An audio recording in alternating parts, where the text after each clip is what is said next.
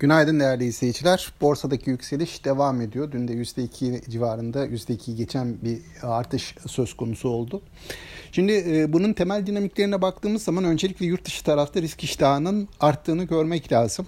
E, burada ABD'de beklenen bir faiz artışı var. Fed'in gelecek hafta yapacağı bir e, toplantı var ve bu toplantıda işte enflasyonu engelleyecek ve aynı zamanda da resesyona mümkün mertebe olumsuz etki yapmayacak yani resesyonu daha da arttırmayacak bir e, faiz artışını bulmaya çalışıyorlar. E, genel beklenti geçen hafta 100 bas puanlar civarındaydı. Daha öncesinde 100 bas puanlar civarına kadar yükselmişti. Son dönemde bunun 75 bas puan yani daha önceki beklentiler seviyesine döndüğünü görüyoruz. E, artı buna ilaveten yine e, Avrupa Merkez Bankası'nın da faiz artışını daha önce beklenen 25 bas puandan 50 bas puana çıkarabileceği şeklinde bir görüş ağırlık kazanmaya başladı. Bu da bir miktar Euro'nun değer kazanmasına sebep oldu. Diğer taraftan taraftan Rusya'nın e, bakım nedeniyle petrol e, boru e, doğal gaz boru hattındaki bakım nedeniyle e, bir bir süre e, doğal gaz sevkiyatına ara vermiş idi. Bunun tekrar başlayıp başlamayacağı bir endişe konusuydu.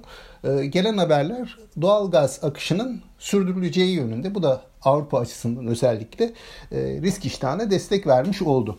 Dolayısıyla dün gerek Avrupa borsalarında gerekse de ABD hisse senedi endekslerinde %2'lik, 3'lük artışlar gördük.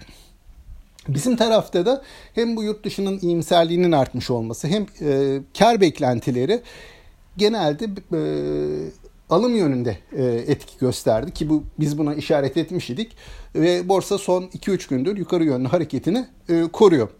Şimdi bizim yarın yapılacak bir Merkez Bankası Para Kurulu toplantısı var. E, bunun öncesinde yine piyasa bugün güne başlarken yurt dışı taraf olumlu görünüyor.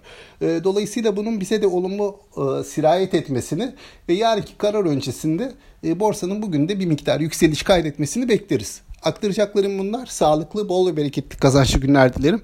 Yeniden görüşmek üzere.